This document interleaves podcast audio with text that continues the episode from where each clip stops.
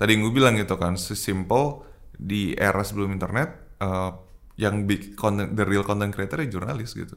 Ah, oh iya. Loh, if, Coba you, if you elaborate. really think about it, Coba lu. gini, nggak ada handphone dulu kan, Ah, ah, iya. 90-an, nggak ada internet, nggak ada kamera digital, yang bisa bikin konten, ya jurnalis koran, jurnalis TV. Oh, iya Kalau Kontennya cuma dalam bentuk teks dulu ya. Teks, radio semuanya. Tapi kan tadi gue bilang di di era sebelum ini kan itu ada gatekeeper, gatekeepernya yang punya akses, punya kapital, punya network gitu. Jadi mereka bikin konten itu satu arah terus dikencum sama orang.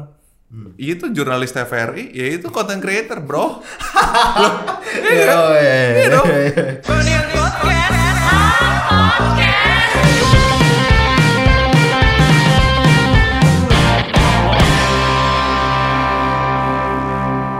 Ah, I'm not ready for this, man. Baru sekali nih gue pakai gini-ginian. Emang iya? iya. Beneran? Biasanya gak pernah. Tai bang. Buat gue Mas Teguh. Hai, halo, Tes. Terima kasih sudah menyempatkan waktunya. Terima kasih, thanks for having me. Apa kabar?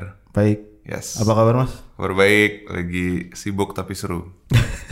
Dalam agenda apa lu ke sini? Eh, bikin acara, terus juga say hi sama teman-teman lagi. Udah berapa lama nggak ke Jakarta yang lama gitu, jadi gue stay seminggu. nah, oke.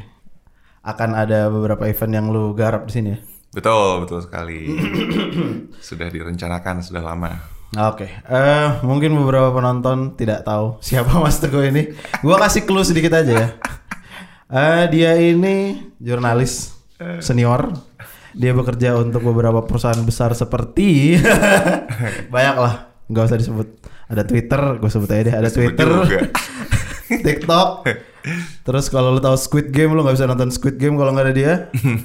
Sekarang dia kerja untuk Amazon Prime. Sebelum kita mulai semuanya, Ya, gue pengen bahas.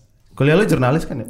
jurnalistik S1 gue jurnalistik, S2 gue digital journalism, masih satu lane lah. Lu kan eh, sudah berapa tahun tuh bekerja? 10 tahun lebih. Iya, 10 tahun, hampir 10 tahun Hmm. karir gue. Tetap lu bawa eh, ilmu-ilmu dari jurnalis ke pekerjaan lu sekarang? ada value-value yang sustainable gitu di prinsip jurnalisme menurut gue yang masih bisa gue aplikasikan sebenarnya nggak cuma gue ya semua orang bisa ada prinsip-prinsip jurnalisme yang menarik banget yang bisa di semua karir di industri gitu menurut gue jadi gue masih menggunakan prinsip itu sampai sekarang walaupun secara output ya kalau traditionally kan jurnalis nulis mengcapture gambar video audio report gue nggak melakukan itu lagi gitu tapi internally the way I think the way I work masih seperti jurnalis menurut gue sih kayak gitu Boleh kasih satu value kecil yang lu bawa? elaborasinya ya Iya. jurnalis itu kan maksud gini semua kerjaan ada deadline Iya. Uh, tapi jurnalistik especially deadline-nya itu sesuatu yang spesial di industri itu karena uh, format informasi yang dikemas itu ada yang harian, mingguan, bulanan gitu. Especially kalau harian deadline deadline tuh makan lo sehari-hari gitu. Jadi uh, mindset lo saat lo udah bisa berpikir deadline itu adalah teman lo, itu menurut gue di semua industri akan baik banget gitu. Uh, dan kalau lo di industri kreatif banyak banget orang yang nggak suka deadline. Iya. Iya, gue nggak suka dikasih deadline karena gue mau berkarya, gue mau Iya. apa gitu kan. Jadi kayak jadi, jadi kayak sesuatu yang kontradiktif gitu. Jadi menurut gue dead- prinsip deadline tuh di jurnalistik bisa diaplikasi di mana pun. Oke. Terus juga mengcapture informasi, menurut gue ya jurnalis kan kerjaannya mengcapture informasi di package habis itu di deliver ke audiensnya gitu kan. Em, di industri kerjaan gue sekarang itu masih iya banget gitu karena kan gue meng- gue ngerjain marketing ya secara general gitu ya konseptual itu marketing itu juga masih banget dipakai karena itu kegiatan mengcapture informasi, mempackage-nya terus mendeliver ke audience itu masih dilakukan di marketing di kerjaan gue sekarang. Ya dua itu aja lah gitu, eh, salah satu dua contoh kecilnya gitu. Eh, lu tahun 2000 berapa tuh sempat kerja di TikTok? 2017 ke 2017. 18. Nah, lu kalau nggak salah gue sempet baca lu sudah yakin bahwa ini akan jadi platform yang gede bahkan pada saat itu tuh. Iya, apalagi di Kenapa tuh? Indonesia. Karena itu eh jadi pas gue join itu namanya masih Musically. Jadi Musically it's American company, no it's actually Chinese company, Eh, tapi gede di Amerika. Tapi di mainland China udah ada tuh TikTok internal namanya Douyin. Jadi di, di Cina nama TikTok tuh Douyin. Gede banget. Douyin, iya. terus mereka berusaha untuk scale ke global and then they acquired musically jadi akuisisi sama sama sama, sama mereka. Jadi gue pindah dari uh, pas gue musically itu gue kayak uh, ngebantu transisi jadi TikTok gitu. Gede karena itu sesuatu yang first of all diferensiasi produknya jelas. Bahwa kayak nyawa dari platformnya adalah tentang banyak gerakan maksud gue kayak itu banyak waktu kan masih ada dance dance koreografi sampai sekarang sih gitu. cewek-cewek. Uh, uh, uh, itu secara mass itu akan works banget menurut gue karena itu fun sebenarnya gitu. Tapi pas gue join TikTok secara brand positioning belum ada kayak sekarang. Artinya uh, waktu itu positioningnya masih apa ya masih uh, Cewek-cewek cantik juga enggak? Nggak, iya nggak tahu sih masih nggak sebagus sekarang deh gitu. Oke, ya, oke aman. gitu. gitu ceritanya Tapi ini jadi ironi sendiri nggak buat lo ketika lo bekerja untuk satu platform yang bisa meng- menyusupkan agenda tertentu. Di sisi lain lo kan sebagai jurnalis juga punya etika-etikanya. selalu eh, gua rasa juga kayak dinamika preference profesional dan personal tuh pasti ada gitu. Eh, dan gue eh, punya keresahan-keresahan sendiri gitu. Eh, eh, eh, menurut gue gue salut sama orang-orang yang bisa membalance dua-duanya. Jadi kayak North Star gue adalah gimana caranya palette personal lo sama profesional lo selalu ada di dinamika yang sehat gitu. Lo nggak bisa kayak dan ini kan nggak cuma tentang kerjaan doang ya gitu. Iya, kayak di hidup lo kayak apa yang baik buat lo sama apa yang harus lo lakukan itu kan selalu ber Seberangan. biasanya berseberangan. ya kan what's good for you sama what you have to do itu beda gitu. Iya, iya, iya.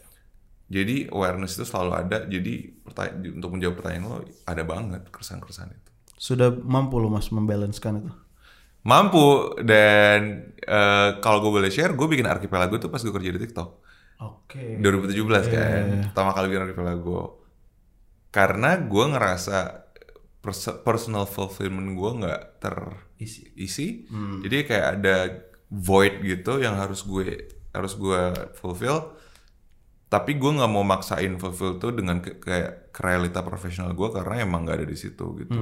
Jadi purpose lo tuh beda gitu, intention lo untuk saat lo pakai topi personal, topi profesional tuh beda dan I think it's fine.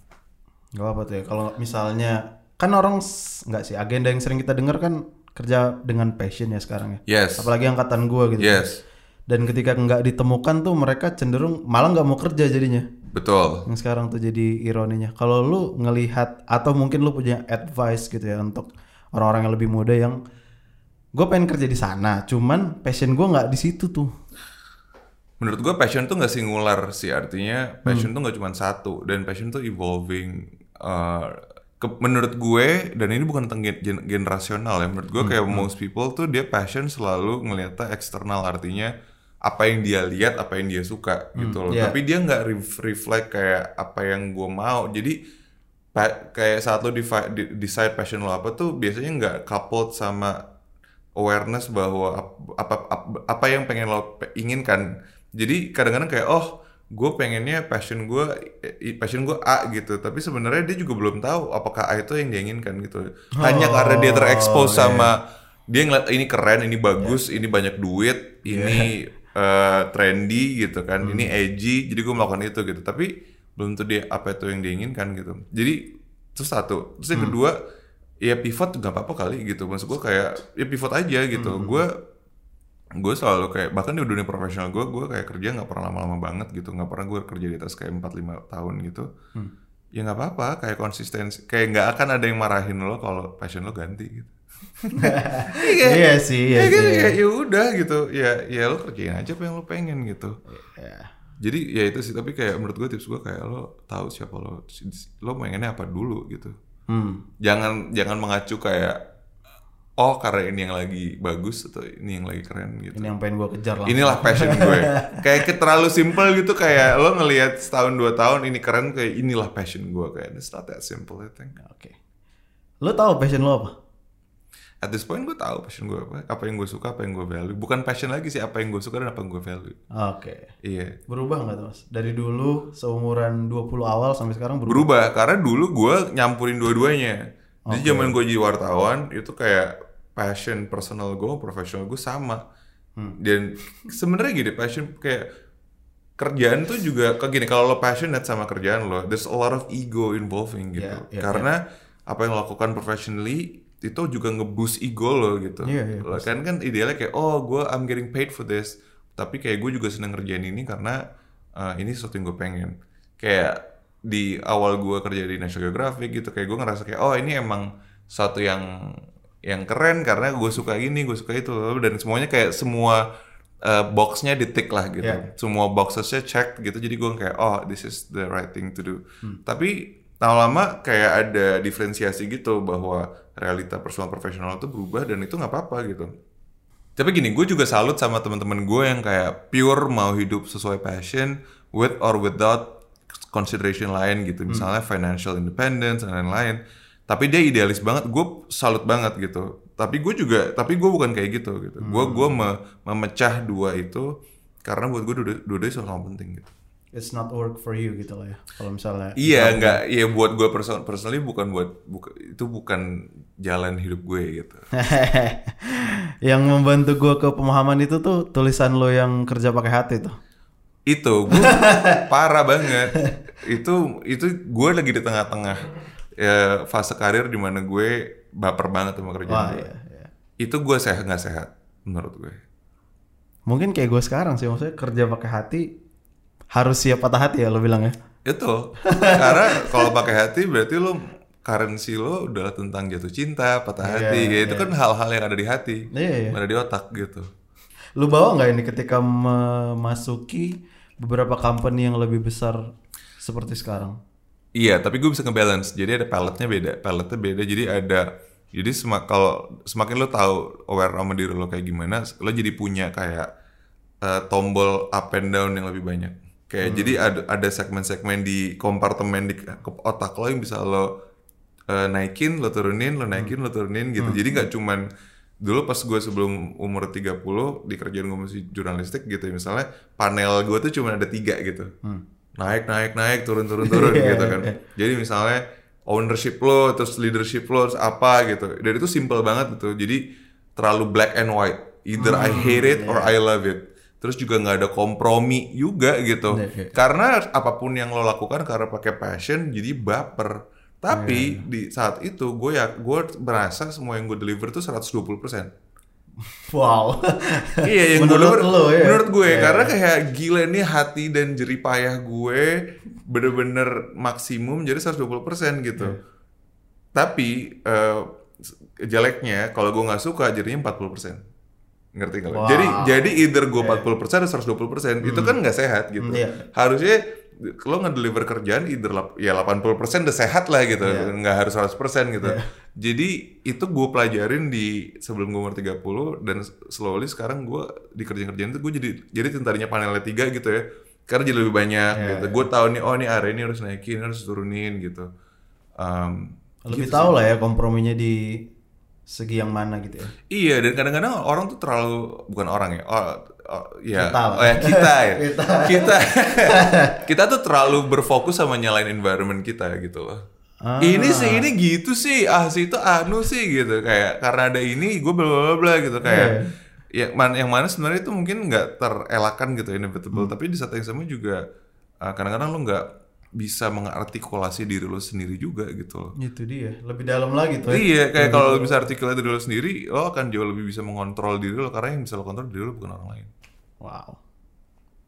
Mau nggak minum dulu mas?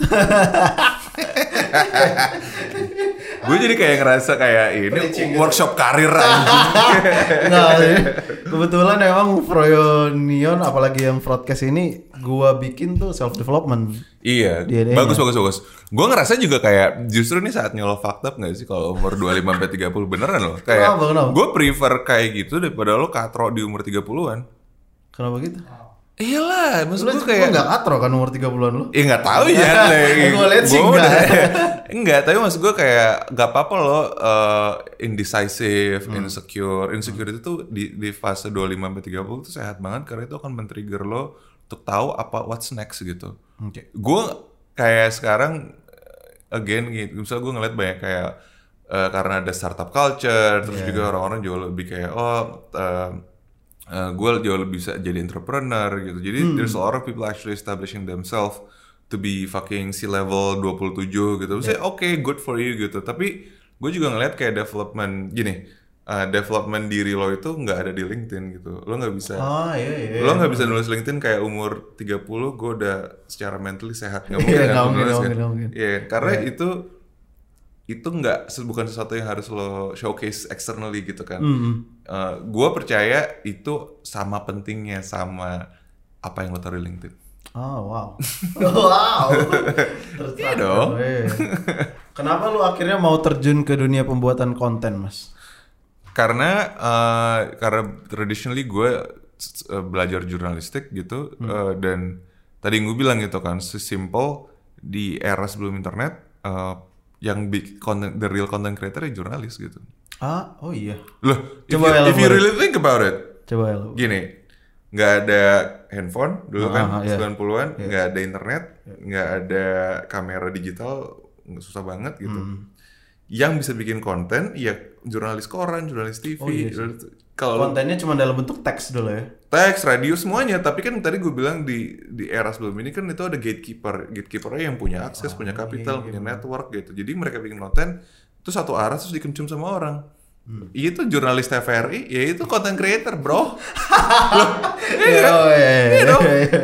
Iya benar. Beda, bedanya dulu yang punya akses ke kamera jadul ya mereka doang. Mereka doang ya. Jadi sebenarnya industri content creation sama Jurnalistik. jurnalistik dan media tradisional tuh ke- deket banget. Bedanya begitu ada internet itu di unfold kayak ada kotak Pandora gitu. Iya. Yang tadi aksesnya cuma jurnalis doang, jadi semua orang bisa bikin konten gitu. Tapi tidak banyak jurnalis yang sadar akan itu. Dan makin ke sini gue lihat kualitas nggak kualitas lah. Tulisan pun jarang tulisan musik lah yang gue Iya. cerna kan. Kan lu biasanya nulis tulisan musik tuh. Iya iya iya. Gue nggak nemu tuh standar-standar tulisan musik yang lu bikin, yang Pram bikin. Iya iya. Udah nggak ada lagi. Ini menarik sih dan gue sering banget ngomongin ini. Menurut gue kadang-kadang gini. eh, kalau di kayak konsep yang tradisional mbak itu ada supply demand. Iya. Iya kan.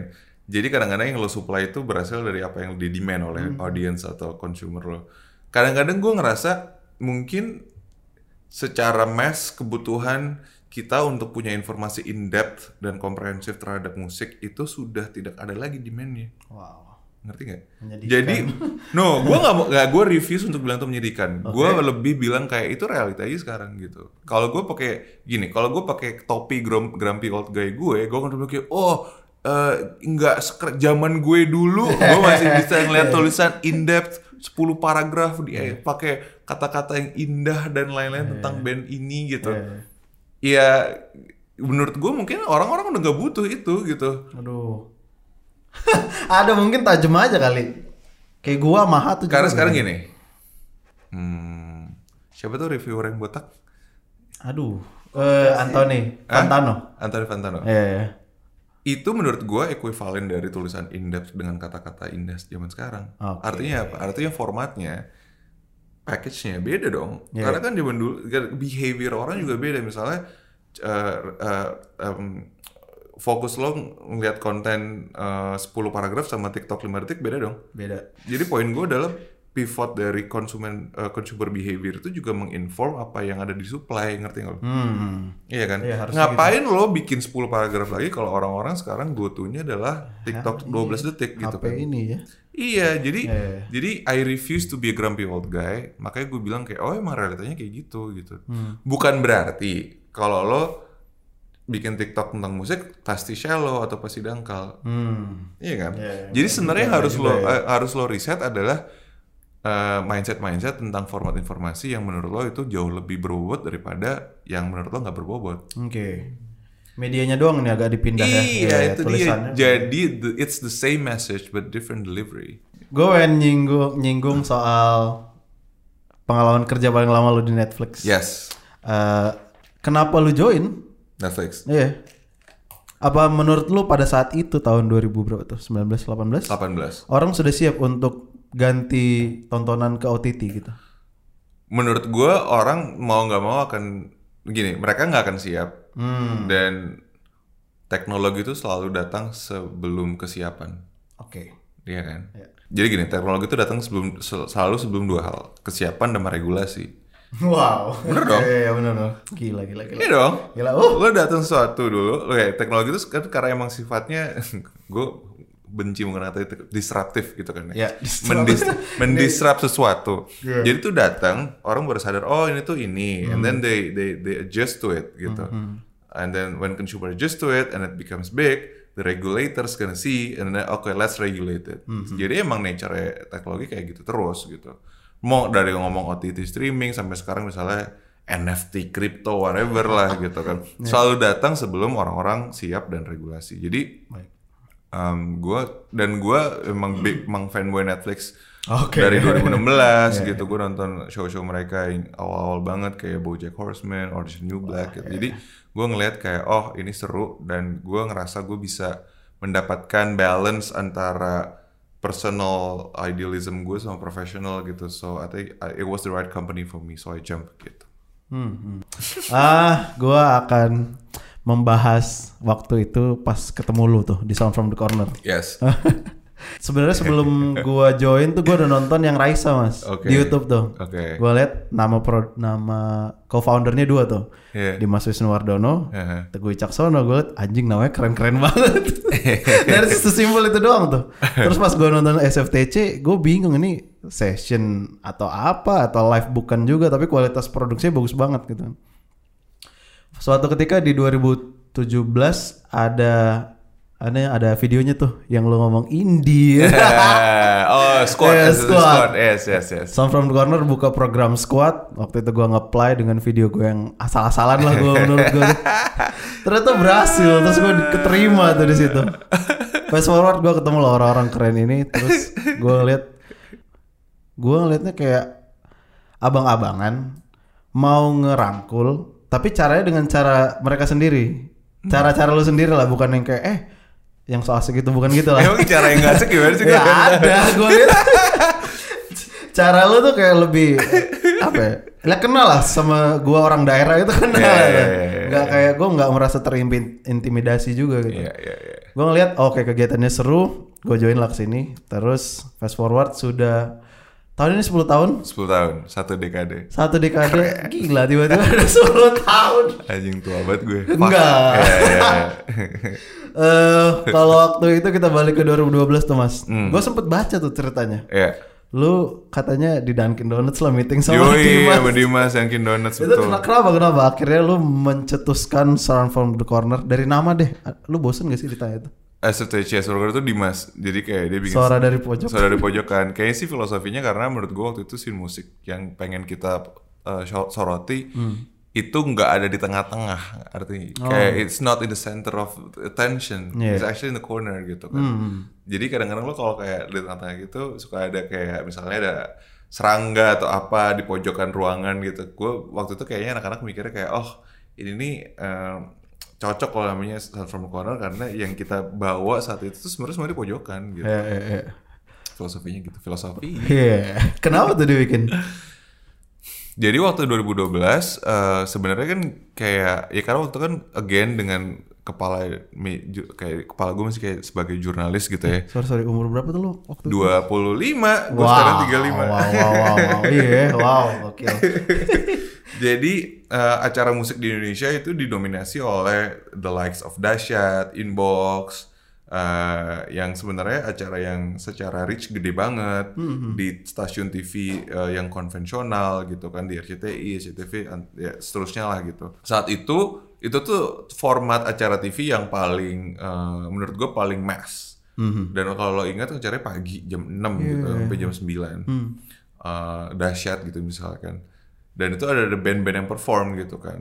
Eh, menurut gue performance band-band di era itu itu sayang banget karena nggak merepresentasikan first of all kualitas bandnya terus yang juga secara variasi. Cara variasi Dari genrenya. dari genrenya, terus dari mereka dari mana, terus secara geografis juga, pasti bandnya itu itu aja. Ya karena kan itu pasti kan nge-serve industri juga kan, label apa yang baru rilis dan seterusnya. Jadi it's it's not their fault lah gitu. Tapi lo bayangin ada band-band yang perform datang it's not even one song gitu. Setengah lagu udah gitu lip sync gitu kan. Iya, iya. Jadi gue kayak Ih, sayang banget ya gitu. Padahal gue ngeliat itu ini kayak format media yang format musik uh, variety show yang paling besar. Tapi sebenarnya on the other side ada diversity musik-musik seru yang nggak pernah di discover. Jadi gue kayak uh, gu- kalau kayak apa yang mau di solve adalah gimana cara kita bisa menjembatani semua artis-artis bagus ini dengan cara yang baik gitu diproduksi bagus dan uh, bisa dapat ke segmen audience yang ideal buat band-band ini gitu. jadi ber, ber- uh, majunya dari situ kayak itu masalahnya waktu itu yang mau kita solve Lu sudah mengantisipasi akan sebesar ini? uh, gue malah dulu berpikir kayak ya ini mungkin 4 tahun kali umurnya gitu karena Tahun ke-10 masuk. Eh, tapi udah 10 tahun karena gue nggak ngerasa orang-orang ng- akan ngeh kalau ini penting. Dan first of all kita bikin nggak untuk bisnis. Dan gue sama Dimas sampai sekarang kalau tanya cita-cita apa itu adalah proyek pengarsipan, archiving. Yang terjadi setelah 3-4 tahun adalah YouTube secara ekosistem itu me- mengembangkan bisnis model mereka ada ad, ada lain-lain dan lain-lain gitu. Jadi ada angle komersial masuk gitu. Tapi sebenarnya kalau di YouTube nggak ada iklan-iklannya, we still doing it gitu. Iya. Gitu. Akhirnya ada akhirnya kita bisa build as a business itu setelah 3 4 tahun gitu. Sebenarnya yang pengen lu achieve di situ apa sih?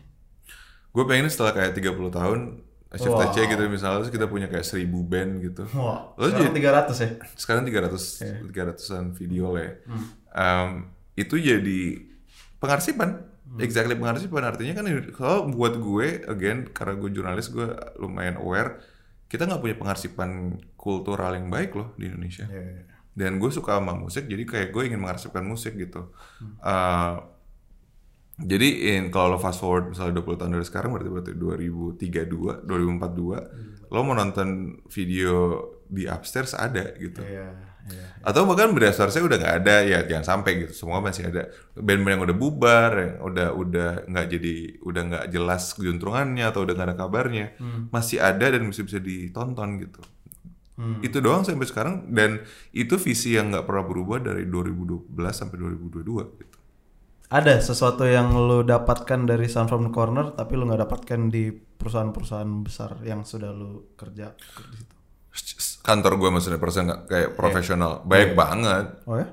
karena kan gue justru mengcompensate hal-hal yang nggak bisa gue lakukan di kantor gue di proyek-proyek musik gue gitu jadi eh, kompartemen hati dan kepala gue tuh saat ngomongin SFTC itu udah beda sama kantor gue Udah dipisah tuh. ya? udah bisa udah bisa jadi apa yang gue sukain apa yang gue benci apa yang gue rasain tuh udah ada di dua kompartemen yang berbeda gitu Apa yang sampai sekarang masih mengisi kecintaan lu di musik, Mas? Kan lu nggak bukan ini ya, bukan pemain ya. Iya. Walaupun gue pernah lihat foto lu main sama Tris and the Wild waktu itu. Anjing. Getok-getok drum. aduh jangan Apa? di browse jangan di browse Jangan bros.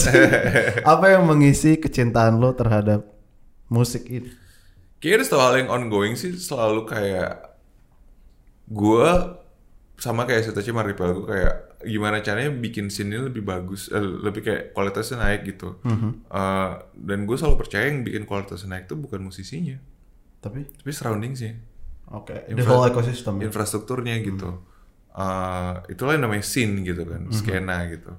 Eh, jadi gue selalu ngerasa kayak gimana caranya kita bisa bikin scene lebih bagus dengan apa yang bisa gue contribute gitu. Oke. SFTC tentunya core-nya juga sebenarnya untuk mengelevate scene-nya gitu. Band baru dapat eh, dapat exposure, audience jadi bisa ngelihat ini ada uh, band yang bagus, orang bisa ngelihat performance yang komprehensif dari band ini gitu. Terus akhirnya ada opportunity secara dipanggil manggung dan seterusnya gitu kan. Itu satu. Archipelago gue bikin ada sesi workshopnya dan panel discussion-nya tentunya untuk ngomongin hal-hal di industri gitu Iya.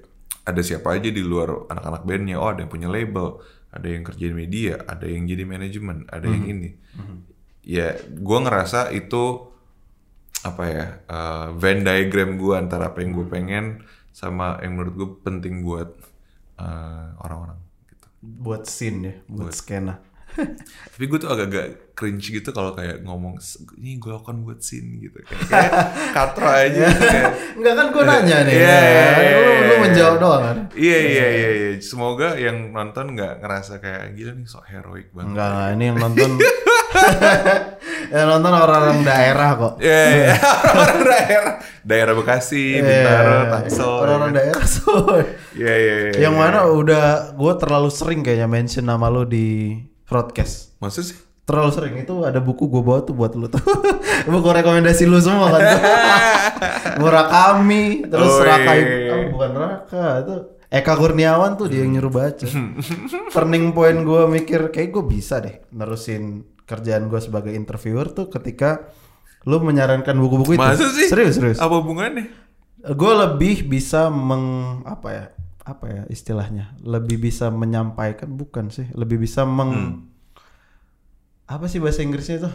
Shit man, gue lupa. Lebih articulate Oh, untuk oke. mengutarakan perasaan gue ke tamu-tamu gue dan pas gue baca Eka Kurniawan, Eka Kurniawan itu kan kayak ini nggak apa-apa juga laki-laki being vulnerable gitu nggak nggak apa-apa lah. Exactly. Itu dari dia semuanya. iya, iya, dan untuk itu gue mau say thank you mas.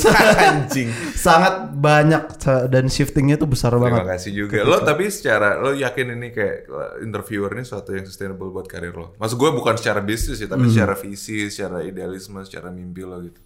Sebenarnya secara tidak langsung artikel lo kerja pakai hati itu mencerahkan gua untuk membagi-bagi itu sih. Kayak misalnya gue ya cari duit, cari duit sinilah gitu. Iya. Untuk berteman gue di Sound from the Corner lah. Untuk meneruskan visi jangka panjang gue mungkin di lapo gue Iya, itu. iya, Jadi iya, kayak nggak apa-apa, semuanya bisa dibagi-bagi porsinya gitu sih. Yeah. Fanboying gue ini habis full. gue fans bro. Oke, gue mau nanya kenapa lu se- peduli itu sampai akhirnya menyediakan infrastruktur untuk band-band daerah manggung di Jakarta. Sama-sama kayak SFTC, eh, secara fu- fundamentally sama karena gue rasa mereka butuh lebih banyak exposure. Hmm. Eh, dan mereka deserve exposure itu. Dan gue juga itu juga salah satu cara gue untuk kayak itu dia kayak kayak ini kayak role gue tuh ini deh kayaknya. Ini yang gue suka. Ini kayak Your gua- calling gitu ya. Iya, kayak calling gue ini di di scene musik karena eh, gue yakin ini sesuatu yang beneficial buat semua orang dan gue happy ngerjainnya. Oh, wow. Gue happy gitu kayak misalnya eh zaman zaman dulu SFTC awal-awal gitu tahun ketiga keempat kayak eh, gue thank you ya gara-gara video SFTC kita dapat gig di sini atau oh kita diajakin meeting sama manajemen dari label ini gitu. Ya. Gitu kan kita membuka opportunity gitu. Karena kita ngebikin produk yang representatif buat bandnya, kita dapat kesempatan lain gitu. Gue happy banget. Gue kayak gue beneran happy dan gue mikir kayak this is why we created Southbound Corner gitu. Wow. Nice. Ini kita ngomongin referensi lah ya. Ini mungkin bukan buat penonton sih, buat gua sih. tapi tapi biasanya eh, yang gua sarankan ke orang itu dari lu, Mas. Kayak misalnya Oke. gua kan pernah bikin di Froyonion namanya Broadcast Literature Club gitu. Hmm. Itu karena gue pertama kali baca Eka Kurniawan itu Iya, iya. Dalam sejam hampir setengah gue gue babat gila ini Iya. oke juga nih Seru jadi ya? gue baca jadi karena gue karena referensi lo gue jadi suka baca terus gue sebar ke orang tuh eh akhir-akhir ini lu lagi mendengarkan musik dulu kali ya musik apakah Oke. dan bacaan apa nanti Lo mau nama bandnya gitu apa genre-nya apa gimana? ngomongin band Genre. lokal kali Band ya lokal. iya Band lokal. Band lokal, wah ini pertanyaan susah ya. Sama karena baik, kayak- karena kayak gue nggak bisa point out gitu kalau di kalau ditodong dengerin apa gitu. dan itu jadi PR gak sih ketika lo harus memantau band-band baru yang emerging atau lo suka Enggak, karena gue happy banget. ngediscover band-band baru itu Kayak nih, kayak gue rasa di umur gue sekarang, kalau gue masih suka ngelakuin ini karena emang beneran gue suka gitu. Hmm, hmm. Karena kayak umur gue 35 tahun ini. Lo punya banyak banget opsi kehidupan dewasa lain ketimbang datang ke gigs. Iya dong, iya dong. Terus kayak Bikin gig ngeliat- lagi. bikin gigs, bikin acara, bikin festival, banyak banget opsi yang lain. Kalau bisa ngurusin anak, kalau bisa bisa ngelarin KPR, lo, KPR, lo iya. bisa inilah apa gitu. Cuman gue gue masih happy ngerjain ya. Datang ke gig gitu. Apa bene? Gue lagi dengerin eh, terakhir yang gue suka banget tuh band Indonesia susah banget sumpah. Kalau luar gampang pasti lu bisa mention kalau Enggak, enggak luar juga juga susah gitu. Oh, gue iya? mesti ngeliat Spotify gue dulu kali. Gak apa-apa. Eh, Yang dari line up lah pasti ada ya salah satunya. Mana ada satu eh Maira Kila gue suka dia kayak DJ Hmm. eh, wanita menurut gue mainnya bagus banget Hmm. Terus eh, Lorju juga menurut gue juga seru Lorju seru udah gitu juga dari Madura ya kan ya dia Iya, daerah. Madura seru banget Eh Rapovra bagus. Rapovra Beh, bagus ngawang. Eh, eh, keren terus apalagi ya Leipzig gue lagi penasaran Leipzig. Leipzig Maha tuh. Ma- juga Hah? Kemarin nonton ada energi idolsnya gitu Iyo, Eh, ya kan? Kayak, idol. ah, gitu Oh, oh ya. Iyo, eh, terus apa lagi ya? Oh, satu, sorry satu. Ya. Kadapat. Jadi Kadapat Oh, itu eh, te- ada ada band namanya Gaber Modus Operandi. Ada Hmm. dua orang, satu orang namanya Kas Kasimin. Kasimin punya label. Labelnya itu ngerilis satu artis namanya Kadapat. Kadapat Hmm. itu eh, dua orang dari Bali, dari Tabanan kalau nggak salah. Jadi mereka eh, mentranslate dari musik-musik gamelan jadi elektronik Hmm. keren banget menurut gue. Tadinya kita pengen kita datang dengar lagu cuman jadwalnya bentrok jadi nggak jadi gitu. Keren. Tapi tadi buku buku. juga susah banget lagi. Susah banget. susah banget tuh. Yang dari rekomendasi lo yang belum gue baca tuh cuman yang Morrissey itu. Oh, yang Penguin Itu klasik kayaknya yang karena mungkin gue kurang autobiografi. Iya, iya. kurang hidup di eranya dia jadi Gue cok, karena gue hidup di era dia. 70-an gitu, gue belum, juga belum sih. lahir. Ya, oke. Ah, buku, buku. Oh, gue baru baca series of interviewsnya Howard Stern. Ini yang kayak modelan kemarin lo kasih Judd Apatow itu ya. Judd Apatow. Judd Apatow punya another uh, second second booknya dia ada juga Judd Apatow. Persis kayak gitu. Sudah wishlist gue tuh. Iya. Terus Ja- Howard Stern gue suka banget. Terus Seth Rogen juga bikin buku. Gue lupa judulnya apa. Cover biru gue baca. Bagus banget. Gue suka. Um, gue juga kemarin baca. Gue banyak baca fiksi juga gitu. Um, oh, Crying in H Mart. Oh, bukunya ini Japanese Breakfast. Betul, itu bagus banget. Eh, Menurut gue, gue, gue terkagum-kagum cara dia nulis eloquent banget gitu, kayak artikulasi bagus, kayak penuh dengan eh, penuh dengan perasaan gitu, bagus banget. Gue kemarin nonton baca buku judulnya Invisible Girl, gue lupa siapa yang siapa yang nulis. Eh, gue, gue, oh shit, gue lagi suka banget sama eh, Keigo, ah shit, gue lupa lagi namanya siapa. Penulis misteri Jepang gitu. Ah. Jadi dia kayak eh, noir noir detektif noir gitu, eh, buku Jepang Keigo Kuga ah shit. Ah, jadi ada ada judulnya Midsummer Equation. Itu bagus banget, eh, kerapi banget kayak konstruk ceritanya juga keren. Eh, lu bayangin detektif Conan jadi buku gitu. Oke. Kebayang, kebayang. Kayak gitu, bagus banget. Eh, Sepanjang Murakami itu enggak tuh? 1 kilo 84 tuh. Sepanjang itu ya? Aduh. Gue ngelarin itu lama banget. si aduh gue lupa namanya shit Midsummer Equation terus Midsummer juga eh, jadi dia penulis ini eh, oh ad- suspect X apa suspect no- number X gue lupa Mhm. shit gue lupa tapi tapi dia nulis baik banget misteri novel Jepang Eh, keren banget menurut gue itu favorit gue recently Nah, oke. Lu gua lihat sering baca eh tulisan lu menang beberapa awards waktu di Nat Geo. Lu ada rencana nulis buku nggak, Mas? enggak Wah, kenapa? Gua- Sa- kecewa karena gue nggak tahu menulis apa sih. Mungkin kayak gue belum tahu gue menulis apa sih. Tapi dalam your lifetime itu akan ada goals itu. mungkin ya mungkin mungkin banget gitu. Gue nggak tahu tapi gue mau nulis gue belum nemu sesuatu yang kayak ini kayak gue harus nulis. Semua yang pengen gue tulis sudah ditulis sama orang Oh. jadi kayak gue nggak ngerasa kenapa gue tulis gitu karena gue nggak ngerasa lebih spesial dari orang-orang yang nulis itu gitu kayak nggak harus spesial. Iya dong maksud gue kayak kayak misalnya kalau ternyata 2012 sudah ada SFTC 5 gue Iya. nggak bakal bikin SFTC gitu kayak what's the intention gitu gue mikir iya sih. Tapi tulisan-tulisan lu udah nggak bisa dibaca lah gitu. Iya, gue kayak ada fase di mana gue bukan insecure ya, kayak lo tau gak sih kalau lo udah nulis lama, terus lo baca lagi tulisan 10 tahun yang lalu, itu kayak lo Cringe gitu. cringe. Terus yang kedua lo ngelihat kayak ibaratnya lo ngelihat foto lo SMP pas lo Iya, lagi iya. jerawatan gitu. at some point gue ngerasa kayak ini adalah sisi gue yang mau gue kasih tahu ke dunia Ah, ini gitu. sekarang. Sekarang, Iya, sekarang. iya, iya, iya. Karena variasi tulisan gue tuh lumayan personal gitu menurut gue. Iya iya benar. Dan kayak honestly gue pas nulis-nulis itu gue itu tuh gue belum se kayak gue belum terlalu mengerti diri gue segitunya jadi gue Oh. butuh medium untuk gue tumpahin gue muntahin akhirnya gue nulis Hmm. gitu jadi kayak gue ngeliat gue berbincang sama diri gue sendiri sebenarnya kayak tulisan lo baca terus kayak beberapa tulisan tentang musik dan lain-lain Hmm. itu kayak upaya gue berbincang sama diri sendiri jadi saat itu gue saat sekarang di fase hidup gue di mana kayak gue udah lumayan mengerti Hmm. sama apa yang gue rasain gue ngeliat tuh kayak masa gue mau se vulnerable ini ke dunia gitu loh kayak Ah, gue ngerasa kayak gue selalu tulisan-tulisan gue tuh kayak gue telanjang banget gitu loh Iya iya pasti. gue ngerti mungkin ada yang suka tapi gue sendiri kayak kayaknya enggak deh gitu.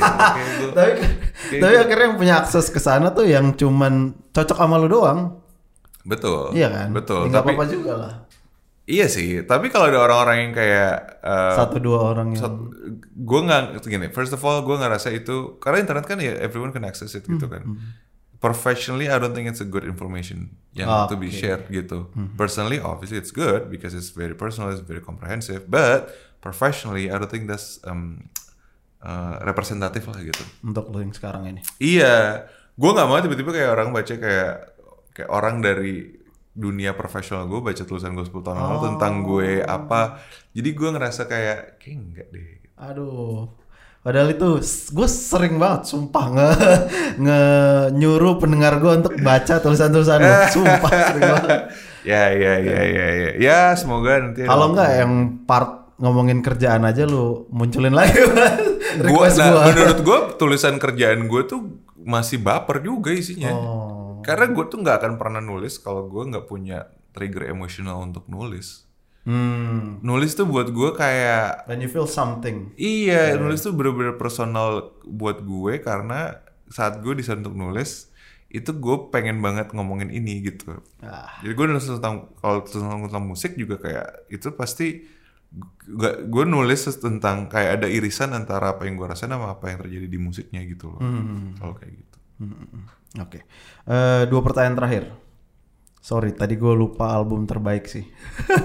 Lokal ya, satu ya. Wah, sialan.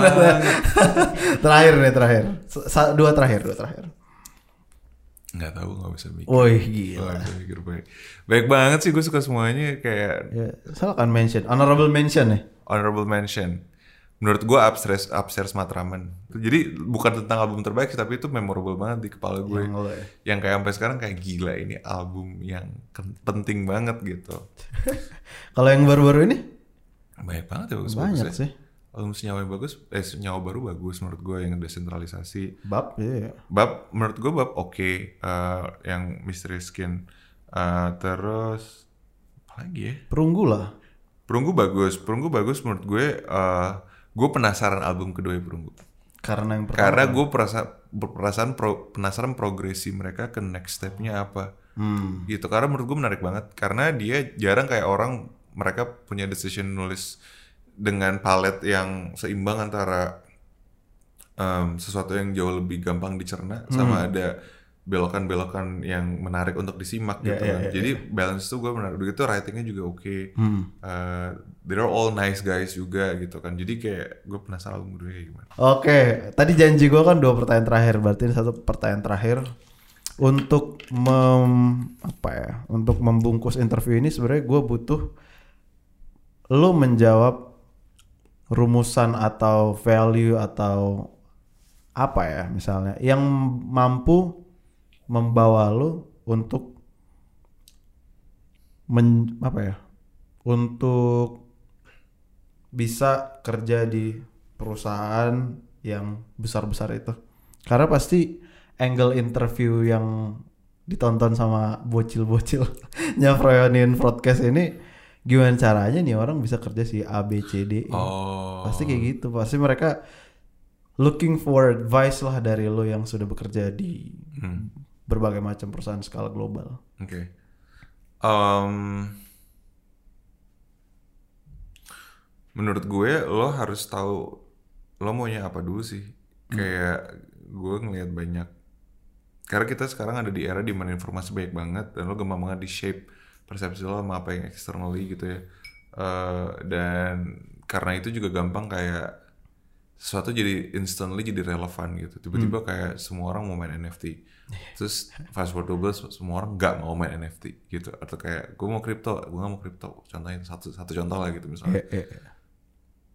Lo jangan jadi gini lo lo jangan gampang terbawa arus. Lo lo kayak apa ya kalau gini ada orang-orang yang kayak oh ini relevan gue ke sini jadi kayak kadang-kadang di dalam upaya gitu lo nggak bisa nge-establish apa yang lo pengenin gitu. Tapi itu, itu dia kenapa kayak lo harus upaya mengerti diri sendiri itu sama pentingnya sama upaya lo membuat opportunity di hidup karir lo gitu menurut gue Oke, berarti kayak lebih banyak bercermin lah sama apa yang lagi gaung heboh di sekeliling lo gitu ya.